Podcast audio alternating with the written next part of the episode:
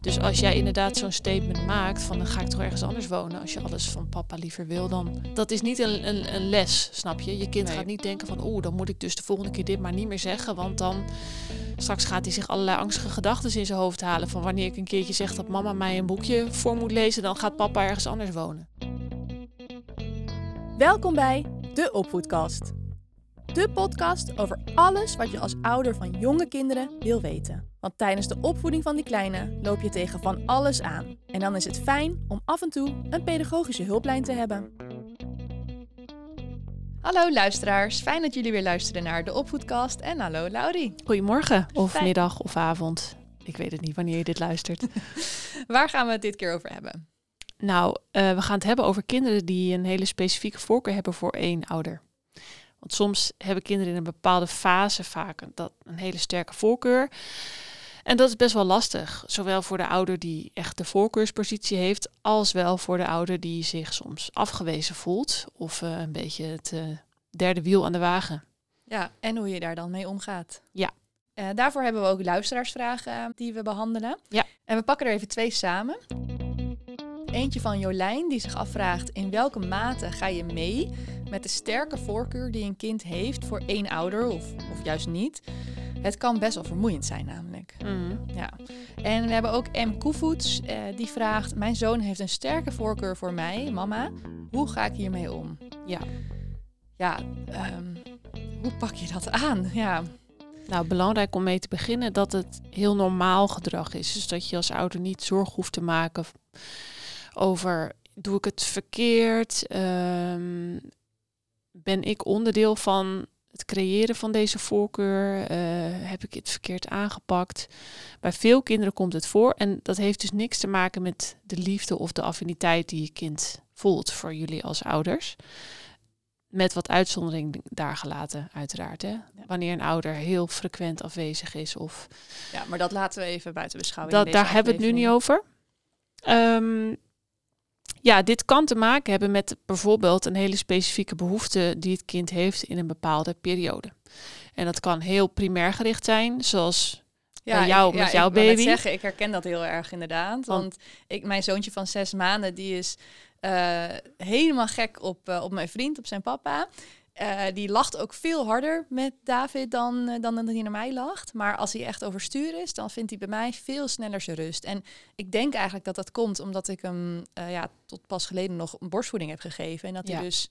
En misschien ook wel gewoon om, om, überhaupt omdat ik hem gebaard heb. Ik weet het niet. Ja. Maar hij is nog zo jong. En, en die nabijheid van mama lijkt logischer voor hem of zo. Ja, dat zie je vaak. En dat betekent niet dat bijvoorbeeld bij gezinnen waar er twee vaders zijn, dat het kind dat dan mist. Dat is niet zo. Maar het is wel zo dat als moeder en daarbij borstvoeding in de buurt is, en vader ook, dat in bepaalde situaties het kind dan heel sterk de neiging heeft naar moeder. Want die Ja. associeert borstvoeding naast voeding ook met comfort en troost. Ja. Ehm, goed om je ook bij, bij na te denken voor jezelf hoe je daar zelf aan bijdraagt als ouder aan het, het verschil en de voorkeur die ontstaat. Of je het aanmoedigt. Ja, onbewust misschien ook hè. Mhm. Ik herken namelijk bij mezelf dat ik soms dingen overneem van mijn vriend. Dat wil ik niet, maar dat doe ik toch. Noem Dat een voorbeeld. Een beetje arrogant, maar dan vind ik dat ik dat beter aanpak. een voorbeeld is dat onze jongste het soms heel vervelend vindt om afgedroogd te worden na douchen of badderen. En dan vindt hij de koude overgang van een warme badkamer naar een koude kamer en een Ja. handdoek. Dat vindt hij allemaal vreselijk. En dan, ehm, dan denkt mijn vriend, oké, ik moet dit zo snel mogelijk afhandelen, dus ik moet even doorpakken. Met gevolg een, een hysterisch kind, wat gewoon helemaal niet, geen zin heeft in dat afdroogriedeltje. Ehm, en ik doe het vaak anders. Ik ga hem dan toch eerst even wat meer comfort geven. Dus ik neem hem mee naar een andere kamer met een wat zachtere handdoek. En ik pak hem eerst even lekker in. En dan, Eerst even warm worden. En dan maak ik hem even rustig. En dan ga ik daarna met heel veel geduld. Ja, ik heb misschien ook gewoon iets meer geduld. Hm. Ehm, en dat wil niet zeggen dat ik alles goed doe. Maar in dit geval vind ik dat ik dat beter aanpak. dus dan ben ik af en toe geneigd om te zeggen, joh, laat mij dat maar doen. Ik En dat, eh, ja, maar dan ben ik me er zelf ook bewust van, daar moet ik, moet ik mee uitkijken. Want dan werk je het ook een beetje in de hand, hè. Dat bij een volgend baddermoment of verzorgingsmoment, dat mijn zoontje zijn armen automatisch uit gaat strekken naar mij. Ja. Terwijl ik mijn vriend hierin ook helemaal niet wil passeren. En ook mijn kinderen niet de boodschap wil geven dat ik dat beter doe of zo. Ja. ja, dus de boodschap nu is eigenlijk naar de luisteraars, als dit het geval is, sta dan heel even stil en denk heel even na van oké, wat gaat zo'n situatie dan? Wat Ja. doe ik? Wat doet mijn partner? Ja, en je kunt wel natuurlijk bijvoorbeeld na dat afdrogen, kan ik mijn vriend wel even de tip geven van joh, voor de volgende keer als je voor jezelf is het ook prettig als het iets minder hysterisch verloopt. Ik zou, ik kan je wel aanraden om het zus en zo aan te pakken. Ja. Probeer dat eens. Wat kan nog meer Ehm, helpen? Nou, kijk ook eens voor jezelf naar wat, hoe is de rolverdeling überhaupt in jullie gezin. Want als je merkt dat bijvoorbeeld je kinderen, zodra papa thuis komt, of mama, vol op papa of mama duiken en alles van papa of mama willen, dan kan dat natuurlijk ook komen doordat jij eh, als ouder eigenlijk überhaupt veel meer met je kinderen bent, ehm, de hele dag met ze doorbrengt, dat je eigenlijk de verzorgende taken grotendeels op je neemt. Dus dan is het ook logisch dat je kinderen aan het einde van de dag, wanneer de andere ouder er is, denken, en nu gaan we ons vol richten op, op die ouder, Ja, om, om de balans in, in aandacht en, en liefde een beetje op te zoeken. ja, En dan, ja, dan is het niet heel reëel dat je dan als ouder verbolgen bent over het feit van ja, dan mag ik de kinderen nooit naar bed brengen, want dan willen ze mij niet meer. Dat heeft dus puur te maken met tijdverdeling en ehm, ja, het moment van aandacht wat ze van de andere ouder kunnen krijgen. Ja, klinkt eigenlijk wel logisch. Dus dan zou je in dat geval eens kunnen kijken van joh, misschien kun jij 's ochtends de kinderen naar school brengen in plaats van dat ik dat altijd doe. Ja, dat je die verdeling even iets anders Ja, of het aankleedmoment in de ochtend. Of dat je even dan ook een aandacht- en rustmoment creëert, juist voor de andere ouder. Even naar de structuur van de, van de dag kijken dus. Precies. Oké, nog Ehm, meer. Wat ook kan helpen is dat je, wanneer je bijvoorbeeld eh, thuis werkt, wat wij allebei nu doen, hè, dat is het nieuwe hybride werken, dan ehm, is het wel eens zo dat je partner bijvoorbeeld thuis is met je kind. En wat mijn oudste zoon dan af en toe doet, is dat hij bij mij verhaal komt halen, omdat hij weet dat ik boven op zolder in een werkkamertje zit te werken. Ik mag niet dit, ik mag niet dat. Ja, Ja, ik, eh, ik mag geen koekje van papa. Terwijl hij weet dat ik misschien eh, wat sneller zeg, oh joh, pak maar een koekje. Ehm, dat je dan geen partij kiest. Dus dat je niet benoemt van ja, hè, mama denkt daar wat maar anders over. Mama doet er wat makkelijker over. Van mij had het wel gemogen, maar bla bla bla. Dat je gewoon zegt van ja, maar je bent nu met papa. Papa die besluit. Ja. En als papa zegt dat je geen koekje mag, dan is dat wat het is. ja. Dus dat je daarin ook niet zelf... Nee, maar ehm, gewoon de lijn van je partner aanhoudt in, Ja. in, ja, in de regie die genomen wordt. Op Ja, moment. en dus ook niet benoemd van ja, ik weet dat het bij mij altijd wel mag. Of, eh, Oh ja, niet, niet eens zeggen dus. nee, Nee. gewoon oké. Ja, vervelend dat je geen koekje mag. Je wil graag een Mama is koekje. aan het werk, papa beslist. Ik ben aan het werk, papa maakt de besluiten nu. Ja. Precies, ja. Ehm, wat ook belangrijk is, is dat je, en dat, dat hebben we al heel vaak gezegd, maar dat is gewoon een heel belangrijk opvoeddoel, is dat je erkenning geeft voor de teleurstelling of de emotie die er is. Dus wanneer je kind de voorkeur heeft boven papa, dus heel erg zegt papa moet mij naar bed brengen, papa moet mij verschonen, wat het dan ook is, dat je niet meteen in de verdediging schiet. Dus zegt van ja, maar waarom? Want mama is toch ook hartstikke lief. En ik kan toch ook heel goed boekjes voorlezen. Maar dat je je kind erkent in de behoefte die erachter ligt. Dus dat je bijvoorbeeld benoemt, ja, ik snap wel dat je wil dat papa je voorleest, want papa die kan altijd zulke leuke stemmetjes doen Ja. bij verhaaltjes. Of eh, ik begrijp wel dat je het leuk vindt dat mama je naar bed brengt, want die, eh, die stoert altijd nog even lekker met je. Dat is ook belangrijk. Dat je begrijpt van, ja, wat wil mijn kind nou eigenlijk? Ja. Moet je ook dus wel eventjes naar zoeken. Ja, Waarom kiest je kind dus bij bepaalde situaties voor papa of mama? Wat ligt daar dan achter? Ja. Eh, en dat dan dus ehm, ja, erkennen. Ja, en dat is een goede dat je dat zegt. Daar kom ik zo nog even op terug. Want daar kun je ook wel door middel van een soort overlegmoment met je kind, kun je ook wel achterkomen van wat is eigenlijk de behoefte. En dan heeft het niet zozeer te maken met de ouder, maar wat is de behoefte daarachter? Daar kom ik zo nog even op terug. Zijn er eigenlijk eh, bepaalde leeftijdsfasen waarin dit vaker eh, voorkomt? Mm, nou, je hebt primair in de babytijd, wat jij net ook noemt, zie je wel dat er vaak in een bepaalde fase een sterke voorkeur is voor de moeder die borstvoeding geeft. Wat dus zowel een fysieke behoefte is als wel een emotionele behoefte. Tot comfort, rust, eh, pijnstilling kan van alles betekenen. Ja, want eenkennigheid heeft ook wel een bepaalde leeftijdsperiode, zo acht, negen maanden, waarin je dat vaak ziet terugkomen. Ja, dan kan dat zich ook wel uit in een sterke voorkeur voor één ouder.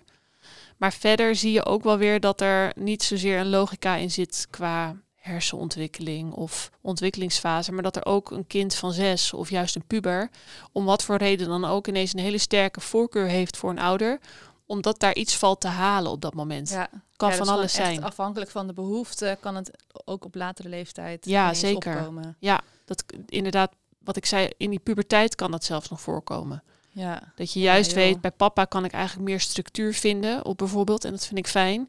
Of juist bij mama kan ik beter mijn verhaal kwijt, want die luistert met Ja. meer aandacht naar me. Oké, en even terug naar de luisteraarsvraag. Want als je kind dus zo'n sterke voorkeur heeft voor ehm, een van de ouders, is het dan heel erg om toe te geven? Dus weet je, dat, dat je het dus inderdaad overneemt van, oh, ik doe het wel. Mama, Mhm. do- mama doet het wel. Nou, kijk, het is denk ik een beetje per situatie verschillend. Want het is heel vervelend als er 's ochtends iets plaatsvindt dat je de dag al begint met allerlei gedoe, ellende, verdriet, huilen. Dan kan ik me heel goed voorstellen dat je dan kiest voor de weg met de minste weerstand. Dus dat je denkt, oké, om te voorkomen dat dit nu, dat al deze emoties enorm oplopen. Mhm. Prima, mama helpt je even bij het aankleden. Dat is helemaal oké. We zijn allebei thuis. Ik doe het wel even. Ehm, dus je hoeft er niet altijd meteen iets van te zeggen of heel stellig te zijn. Van nee, vandaag kleedt papa jou aan. Dat hebben we afgesproken, dus ik ga het niet doen. En dan wordt je kind helemaal overstuurd. Dat is echt niet nodig. Pick your battles. Ja. Ehm, en ja, daarin kun je prima dat gedoe even vermijden. Als je, als je weet dat dat voor meer rust zorgt. Als het maar een bewuste keuze is. Dus. Ja, want ik denk wel dat het vervelend is als er een patroon gaat ontstaan, waarbij je kind ook weet, zodra ik een keel opzet of heel duidelijk laat blijken dat ik er niet van gediend ben, dan komt papa alsnog wel instappen. Hè, als Ja. ik, dus dan ontstaat er een patroon waar je ook uit wil blijven. En weet je wat het ook vaak is? Wanneer de andere ouder er niet is, dan kan het simpelweg ook gewoon niet. En dan zie je ook vaak dat het probleem niet ontstaat of dat het zich vanzelf wel oplost. Dus als je 's ochtends in de riedel zit van kinderen aankleden, maar jij moet naar je werk. En je zegt, papa kleed jou vandaag aan, ik moet over vijf minuten naar mijn werk. Kind gaat in de weerstand. Dan is het heel duidelijk, ik ga nu weg, papa kleed jou aan. Punt. En ga dan ook alsjeblieft niet ehm, ja, te Nog laat op je blij- werk komen Nee. en de boel Nee, want als je dan en- nog langer blijft, is het eigenlijk ook alleen maar verwarrend voor je kind. Ja, dat is een onduidelijke boodschap, hebt, hè? ik moet nu gaan. Ja. Oké, en moet je dan een serieus gesprek aangaan met je kind hierover? Nou, hoe meer lading jij geeft aan, aan dit voorval, hoe groter het ook wordt voor je kind. Maar je kunt wel samen met je kind een oplossing bedenken voor deze situatie. Oké, hoe doe je dat dan? Nou, wanneer bijvoorbeeld het naar school brengen 's ochtends altijd een ding is, ga dan ook in gesprek met je kind over hoe die het het liefst zou willen. Dus hoor je kind ook aan van wat vind je nou zo leuk als papa jou naar school brengt? Of wat maakt het fijn als mama je naar school brengt? Dan verkrijg je informatie over wat eigenlijk de behoefte van je kind is. Het kan namelijk heel goed zijn dat je kind zegt, ja, als papa naar, mij naar school brengt, dan mag ik veel meer zelf doen. Dus dan eh, mag je kind bijvoorbeeld zelf zijn broodjes smeren, zijn rugzak inpakken, lopen ze ontspannen naar school. Het kan zijn dat je kind dat vooral heel prettig vindt. En dat jij misschien als andere ouder de neiging hebt om veel meer over te nemen of dingen voor je kind te doen. Dus dan weet je, hé, hey, dat is dus wat mijn kind graag wil. Maar als je dan dus eh, toch op die manier het gesprek aangaat met je kind, vanaf welke leeftijd kun je dat dan zo doen? Ik denk dat je dat prima vanaf de schoolgaande leeftijd kunt doen. Want dan kan je kind steeds meer zijn behoeftes aangeven en vertellen wat erachter zit. Maar ja, een, weet je, een, een kind wat verbaal sterk is van 3,5 en die je gewoon heel ehm, duidelijk vraagt: waarom vind je het fijn dat mama je naar bed brengt? Die kan prima aangeven: mama knuffelt altijd zo lekker. Ik vind het fijn om met mama te knuffelen. Ja. Dan ben je ook al wat informatierijker. ja, dus in dat geval zou je met je partner meer één lijn kunnen trekken in hoe jullie bepaalde dingen aanpakken. Dat Ja, jullie je kunt, allebei eh, eh, een boekje voorlezen of knuffelen eh, even erbij liggen. Ja, je kunt ook samen inderdaad afspraken maken over, weet je wat, we laten ons kind 's ochtends altijd zelf zijn brood smeren voor school. Want dat vindt hij fijn en hecht die waarde aan. Dan is dat gelijkwaardig. En dan kan het ook zijn dat daardoor het gevolg is dat het kind minder voorkeur heeft wie daarna mee naar school loopt of fietst. Ja. Allemaal afhankelijk van de behoeften van je kind. Ja. Nou, we hebben nog een derde anonieme luisteraarsvraag. Die ouder vraagt: Ik merk dat het af en toe wel wat met me doet als mijn kind me afwijst, omdat hij dan duidelijk de voorkeur naar zijn vader uitspreekt. is het goed om mijn kind dit te laten weten? Dus wat het met mij doet? Of kan ik dit beter bij mezelf houden? Het is logisch dat een afwijzing van je kind heel vervelend aanvoelt. Ik kan me ook goed voorstellen dat er wel een verband zit tussen hoe jij die dag zelf in je vel zit. Dus wanneer je slecht hebt geslapen, je niet helemaal lekker voelt, dat dat dan extra hard aankomt. Terwijl je op een ander moment misschien denkt, ach, dit heeft helemaal niks met mij te maken. Ja. Goed, dus om je daar ook bewust van te zijn en ook bij stil te staan. En dat ook te accepteren van jezelf. Van oké, dit voel ik nu zo. Dan is het er. Ehm, dat je het dus persoonlijk aantrekt. Ja, maar reageert vervolgens niet af op je kind door bijvoorbeeld dingen te zeggen als je houdt niet van mij of je vindt papa liever dan mij. Want dat, dan maak je het ehm, veel groter dan dat het voor je kind is. Je rekent je kind er persoonlijk op af, op iets waarvan je diep in je hart ook wel weet dat het helemaal niet zo is. En je eh, kind snapt het vaak ook niet, denk ik. Want nee. als jij reageert met, nou dan ga ik toch gewoon weg. Mm. Ga ik dat toch is ergens helemaal niet de bedoeling van je kind. Nee. Die, die, dat komt niet eens bij hem op. Nee, die vorm van cynisme, dat begrijpt een kind ook nog helemaal niet. Dus als jij inderdaad zo'n statement maakt van dan ga ik toch ergens anders wonen. Als je alles van papa liever wil, dan maak je dan schrik je kind daar misschien ook van. Die denkt van, oh, wat heb ik nou teweeg gebracht?